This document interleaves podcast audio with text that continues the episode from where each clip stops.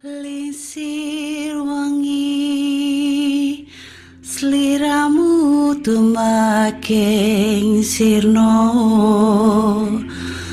Ojo tangi kan muguling Awas jok ngetoro. Aku lagi bang wingo wingo. Jin setan kang tak utusi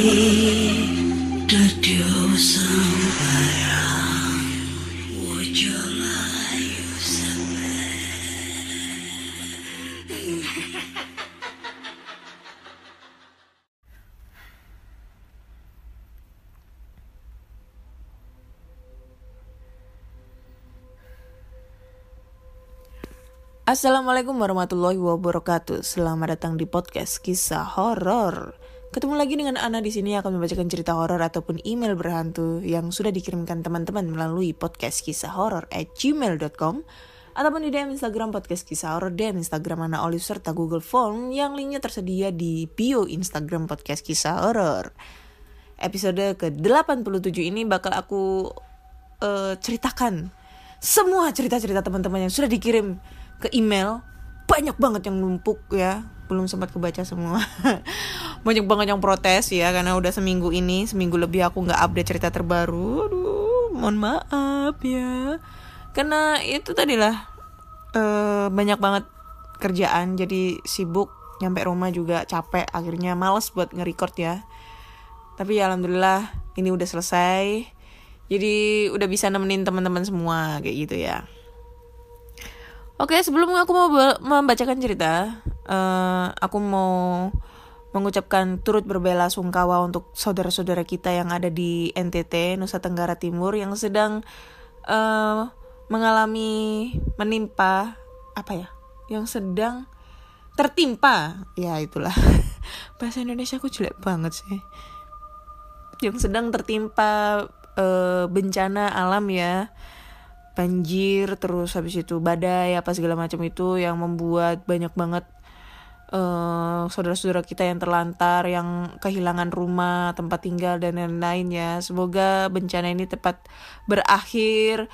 Sudah gak ada bencana alam lagi karena dari awal tahun sampai sekarang itu bencana alam bertubi-tubi ya menimpa kita menimpa saudara-saudara kita di sekitar wilayah Indonesia ya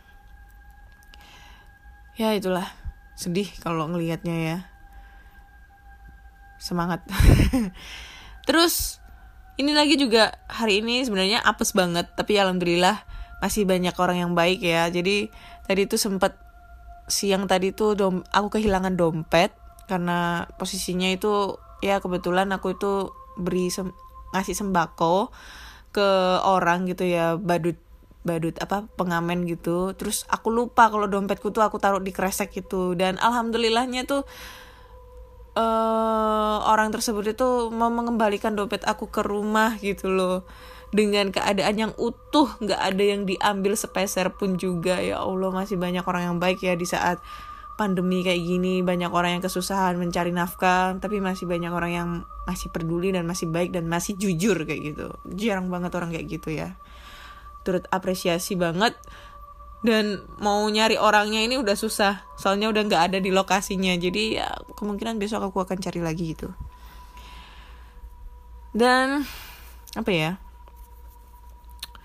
Dan kayaknya kayaknya aku minta doanya ya buat teman-teman semua ya sebelumnya. Minta doanya. Doa restu ya supaya dilancarkan. Karena insya Allah hari Jumat besok aku mau ke Makassar mau memperjuangkan cinta aku. Iya memperjuangkan cinta aku kepadanya ya Allah. Insya Allah. Mohon doa restunya supaya perjuanganku nggak sia-sia gitu ya. Berangkat ke Makassar buat nemuin dia. Semoga ditemuin. Amin ya Allah. Ya itu takut aku kalau nggak ditemuin. Oke deh Langsung aja kita bacakan ceritanya ya karena udah banyak banget numpuk banyak banget di email belum aku baca semuanya aduh diprotes banyak orang sedih aku jadinya Oke. Cerita pertama. Halo Kak, nama saya Fandi. Saya merupakan keturunan dari orang keraton Solo. Dan kebetulan ilmu dari mbah-mbah saya yang terdahulu yang merupakan pangeran perang itu menitiskan ilmunya ke saya. Jadi istilahnya ilmunya dan jinnya ada di saya semua. Hehehehehehe. Saya sering sekali tiap malam itu tidak sadar masuk ke alam sana dan masuk seperti candi dan banyak sekali pasukan-pasukan dari mbah-mbahku. Wih, keren. Jadi berasa kayak raja, Kak. Tapi lagi nih, Kak. Bangun-bangun tuh badan berasa kayak dipukulin orang satu kampung. Dan itu terjadi sering sekali mulai dari saya SMP dulu. Berawal dari rasa kebelet pipis di waktu sore hari di kantor saya. Ya pastinya ke kamar mandi dong. Ya iyalah, masa ke kamar tidur. Saat di kamar mandi saya sudah melihat sosok Kunti, tapi matanya nggak ada dan hitam banget. Aku kira bakalan nembus tuh air pipis. Eh, ternyata kena kuntinya juga. Aku keluar sambil ketawa sendiri kayak orang gila gara-gara kuntinya kena air pipisku. WK WK WK WK. Eh, bukannya pindah tempat, malah ikutin saya kak. Parah amat tuh kunti kak salah sendiri. Dia di situ dan pas di kloset pula. Dia aku biarkan ngikutin saya karena pikirku gak mungkin dia ngapa-ngapain aku karena aku rajin sholat. Mungkin bisa ikut-ikut sholat gitu. Tapi kenyataannya berbeda.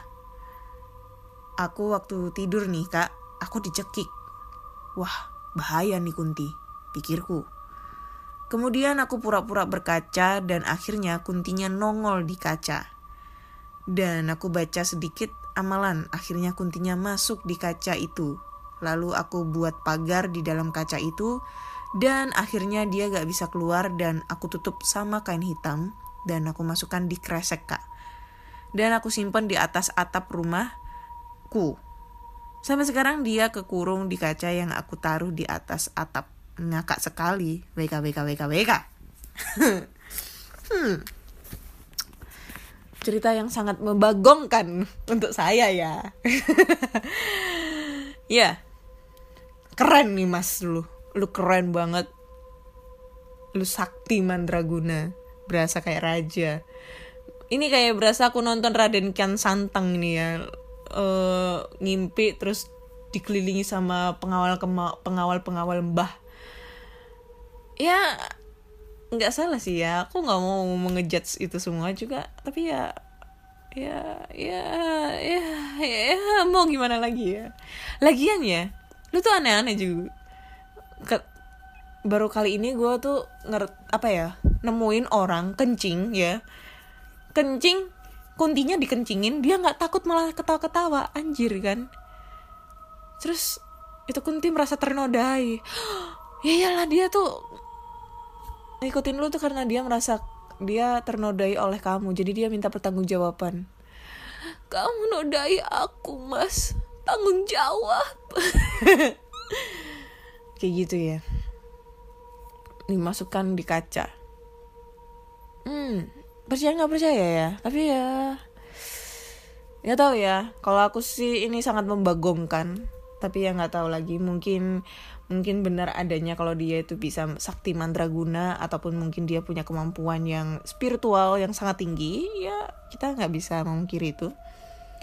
Dimasukkan ke dalam kaca dan ini aku sangat terinspirasi teringat tentang ceritanya film Kuntilanak. Kalau kalian pernah tahu film Kuntilanak yang pertama yang diperanin sama Julie Estelle sama Evan Sanders itu ya. Itu yang tahun berapa ya? 2005 nggak salah 2005an itu kuntilanaknya juga hmm, keluarnya dari kaca gitu loh dari kaca.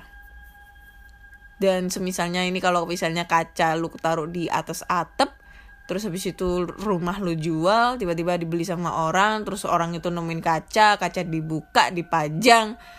Ini bakal jadi kayak film ini ceritanya. Beneran kayak film-film kayak Conjuring, film-film Insidious atau apa pun gitu kan yang nemuin kaca terus wah kacanya bagus nih taruh rumah. Ah terus ternyata di dalam kaca itu ada setannya kayak gitu.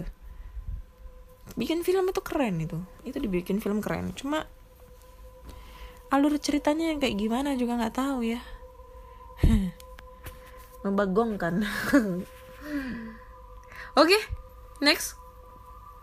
Kita lanjut ke cerita berikutnya. Lah kok mate laptopku guys? Bentar ya.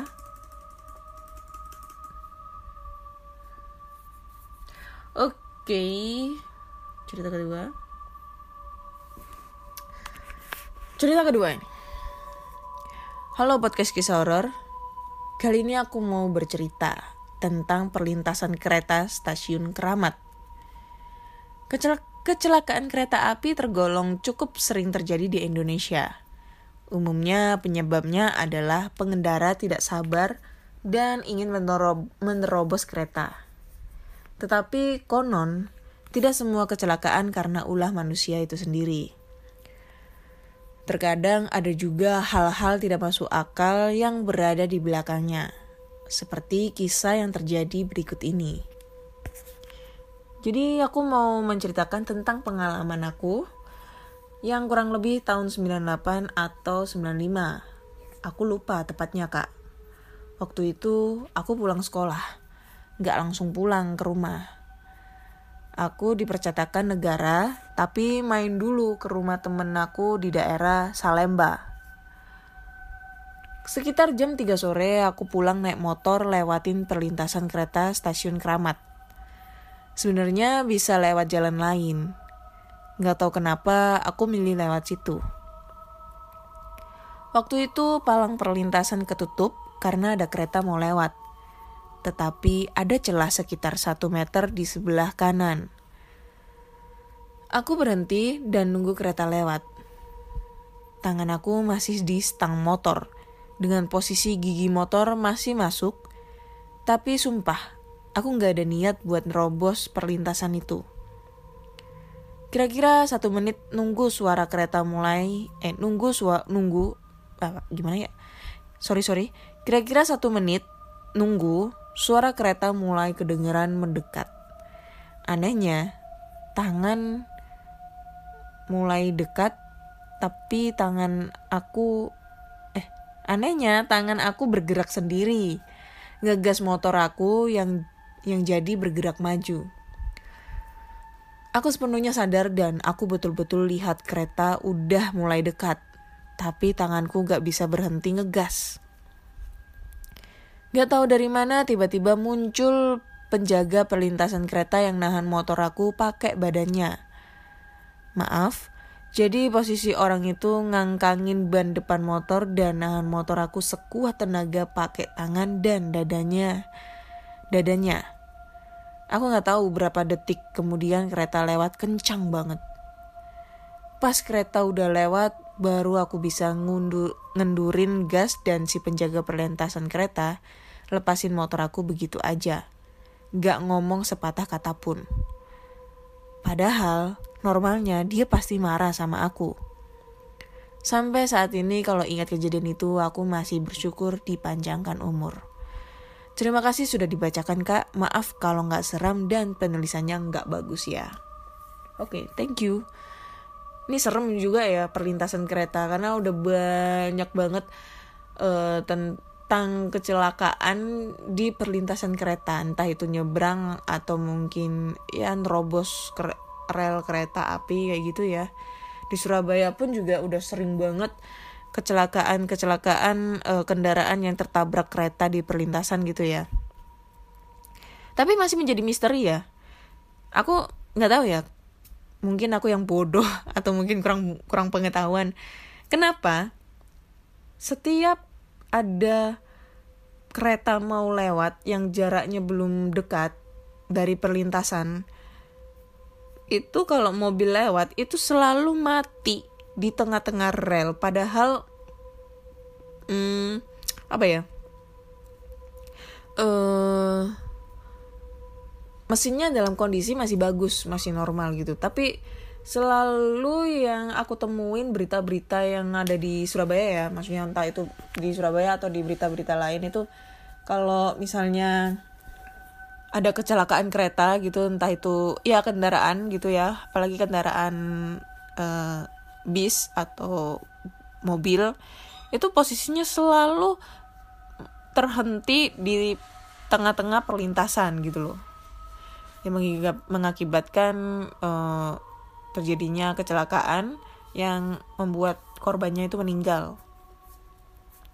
Itu masih nggak tahu sih tapi ya katanya sih ya katanya kalau aku tahu ada yang ngasih tahu dulu itu temanku tuh katanya kalau semisalnya ada kereta mau lewat itu secara otomatis kalau kita ngelewatin perlintasan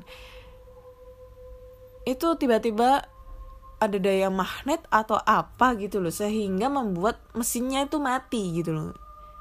Tapi ini kan nggak masuk akal banget kan? Berarti kan ini kan mencelakakan memang sengaja uh, memang untuk dibuat untuk mencelakakan uh, orang lain gitu ya dalam hal uh, kendaraan melewat melintasi rel kereta api gitu.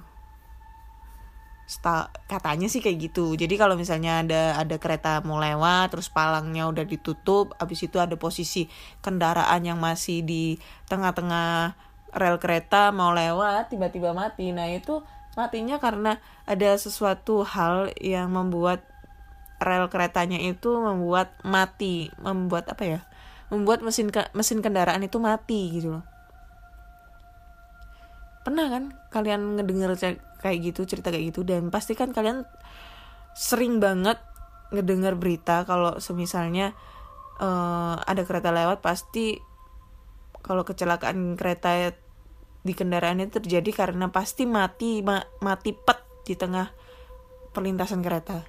Itu masih menjadi misteri beneran itu masih jadi misteri. Soalnya banyak banget di Surabaya itu uh, korban kecelakaan tertabrak kereta itu ya rata-rata kendaraan mobil gitu ya mobil-mobil gitu. Terakhir yang dulu itu di dekat rumah aku itu uh, minibus yang semua penumpangnya itu meninggal dan ternyata penumpangnya itu adalah uh, calon pengantin yang akan segera melaksanakan uh, ini kegiatan akad gitu ya. Uh, dari pengantin prianya gitu. Meninggal cuma yang yang masih hidup itu dua atau tiga orang gitu dari 25 penumpang gitu. Ya sedih sih kalau ngedengarnya ya.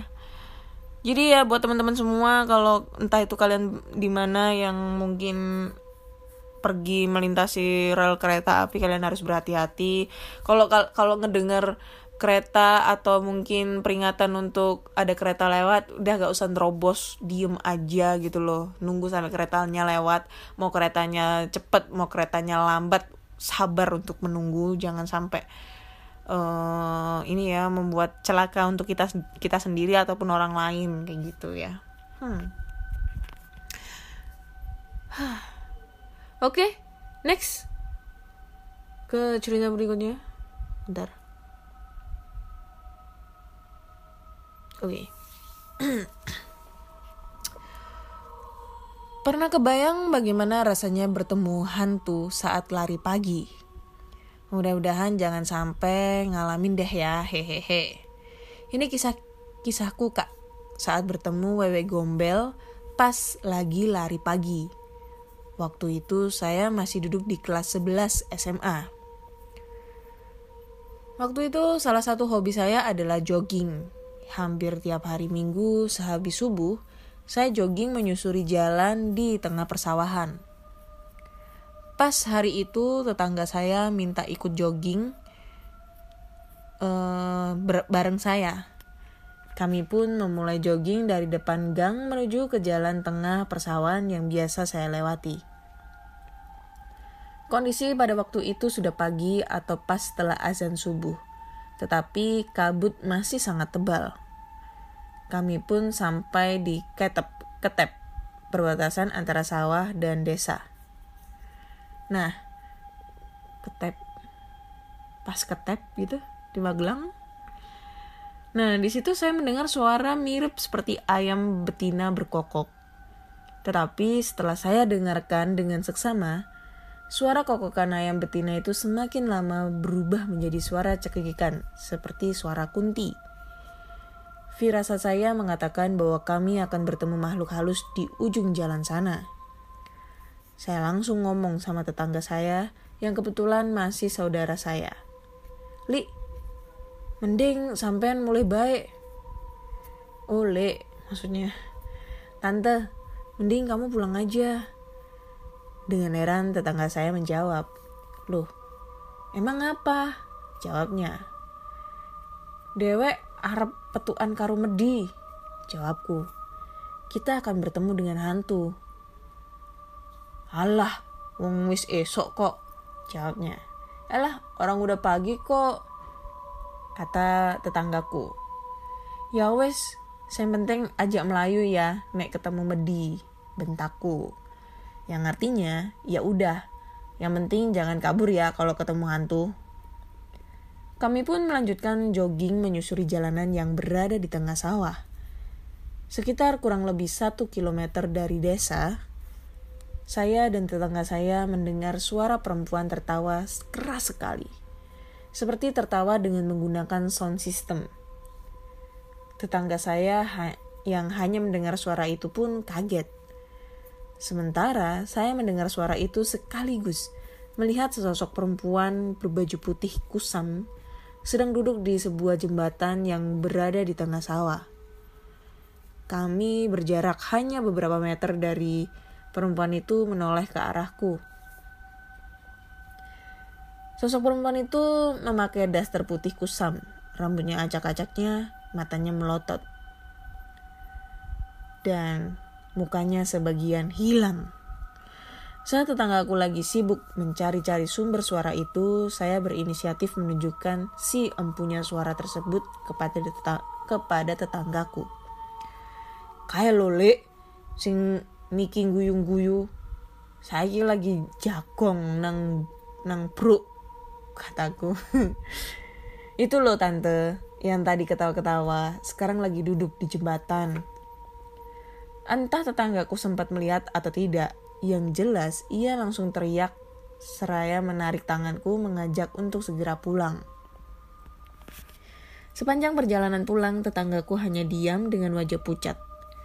Setelah tiba di rumah pukul setengah tujuh pagi, pas saya bertemu dengan tetanggaku yang lain, yang sering memancing di jembatan itu. Saya langsung bercerita yang tadi saya alami dan ternyata dia juga pernah melihat sosok wanita itu duduk di jembatan yang berada di tengah sawah itu dan dia berkata bahwa itu adalah Wewe Gombel. Hmm. Wewe Gombel.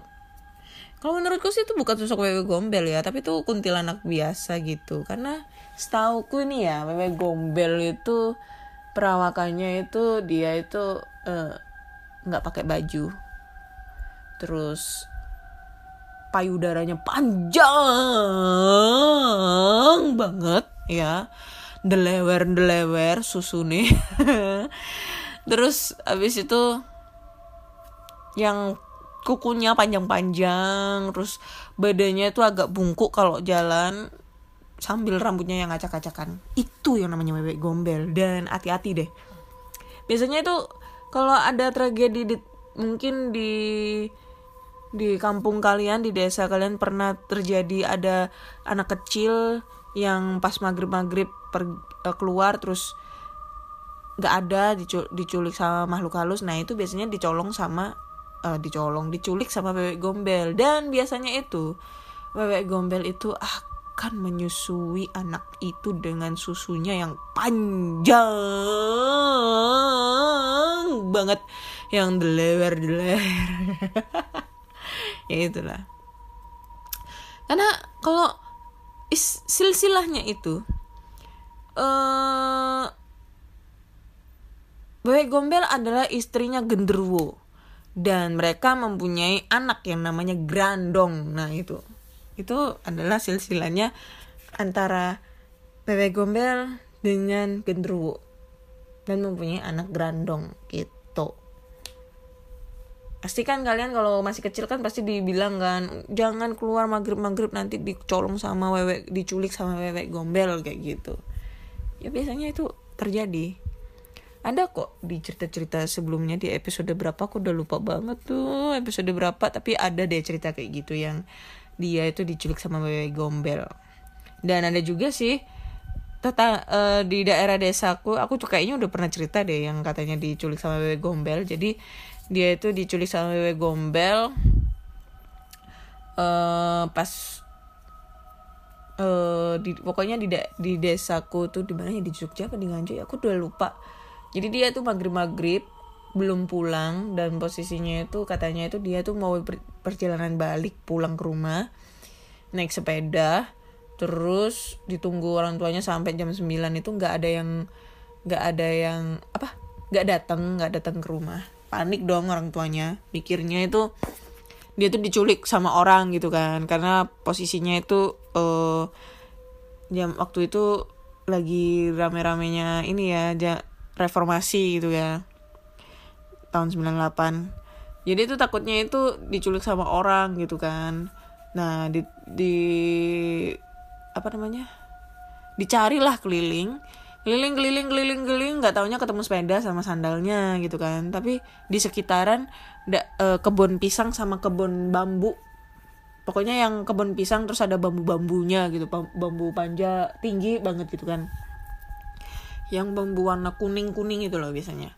Nah itu. Terus nggak taunya ada salah satu orang pinter di sana ngomong kalau anaknya ini nggak diculik orang tapi dicu- diculik sosok wewe gombel gitu. Akhirnya dengan kepercayaannya orang orang-orang sana ya orang-orang zaman dulu kalau misalnya mencari sos eh, anak yang hilang diculik wewe gombel ki- kita tuh harus membunyikan alat-alat dapur seperti panci wajan dan lain-lain it ember gitu kan dibunyi-bunyiin diketok-ketok gitu sambil keliling kampung. Dengan maksud supaya menakut-nakuti wewe gombel tersebut dan mengembalikan si anak tersebut. Jadi pas dibikin ritual seperti itu balik dong anaknya balik. Pokoknya itu baliknya itu subuh atau apa gitu loh. Hampir menjelang subuh jam 3 jam setengah 4 gitu dengan kondisi anaknya itu nggak sadar gitu. Entah pingsan entah apa gitu. Terus dua hari kemudian itu dia bangun. Dia bangun dan dia tuh cerita kalau dia itu diculik sosok wanita. Tadinya itu wanita gitu kan wanita. Terus cantik banget. Eh, ngomong katanya itu jangan keluar maghrib maghrib gitu. Ayo ikut tante gitu kan. Nanti tante anterin pulang takutnya nanti diculik gitu kan. Terus diajak dong ke sebuah rumah tapi rumahnya ini eh, bentuknya itu kayak apa ya kayak gubuk gitu. Jadi sepi banget area di sana itu. Terus banyak anak kecil anak kecil juga katanya cebol-cebol gitu. Terus dikasih makan dikasih minum kayak gitu. Kayak dirawat banget gitu loh. Terus pas waktu itu dia tersadarnya itu eh, si anak-anaknya ini anak-anak kecil-kecil yang di situ tuh perwujudannya tuh berubah menjadi eh, kayak ada taringnya itu. Akhirnya dia takut itu dan kemudian dia ditemukan dalam keadaan tidak sadar waktu itu. Itu katanya. Aku sih nggak tahu ya katanya sih eh, dia dapat disusuin apa enggak gitu ya. Karena cerita dari orang-orang zaman dahulu itu Wewe Gombel tuh suka nyusuin nyusuin anak kecil itu dari payudaranya dia gitu loh. Kan karena memang perwujudannya itu dengan kondisi bentuk yang seperti itu. Menakutkan cuy. Kayaknya dia jadi pural juga laku banget. Open BO laku banget. Karena sekarang lagi pandemi ya mungkin dia lagi open BO kali ya lewat micet gitu atau lewat apa. Ya itulah pokoknya. Oke udah tiga cerita yang udah aku bacain ya. Udah banyak banget cerita yang udah aku bacain. So buat teman-teman semua kalau punya cerita-cerita horor entah itu pengalaman sendiri pengalaman orang lain saudara kakak adik teman so- eh, selingkuhan Kalian bisa langsung aja kirim ceritanya ke podcast kisah horor at gmail.com ataupun di DM Instagram podcast kisah horor, DM Instagram Ana Oli serta Google Form yang linknya tersedia di bio Instagram podcast kisah horor. Jangan lupa follow Instagram podcast kisah horor biar followersnya naik bro, biar bisa swipe up kayak gitu ya. Hmm, terus jangan lupa dengerin selalu podcast kisah horor di YouTube karena kalau di YouTube itu uh, siaran ulang aja ulang aja sih dari episode episode lama. Terus jangan lupa follow uh, podcast kisah horor di Spotify Google Podcast Apple Podcast ataupun di Anchor agar kalian selalu update tentang cerita-cerita horor terbaru oke? Okay? terima kasih buat semuanya dan nantikan podcast kisah horor di episode berikutnya. Bye bye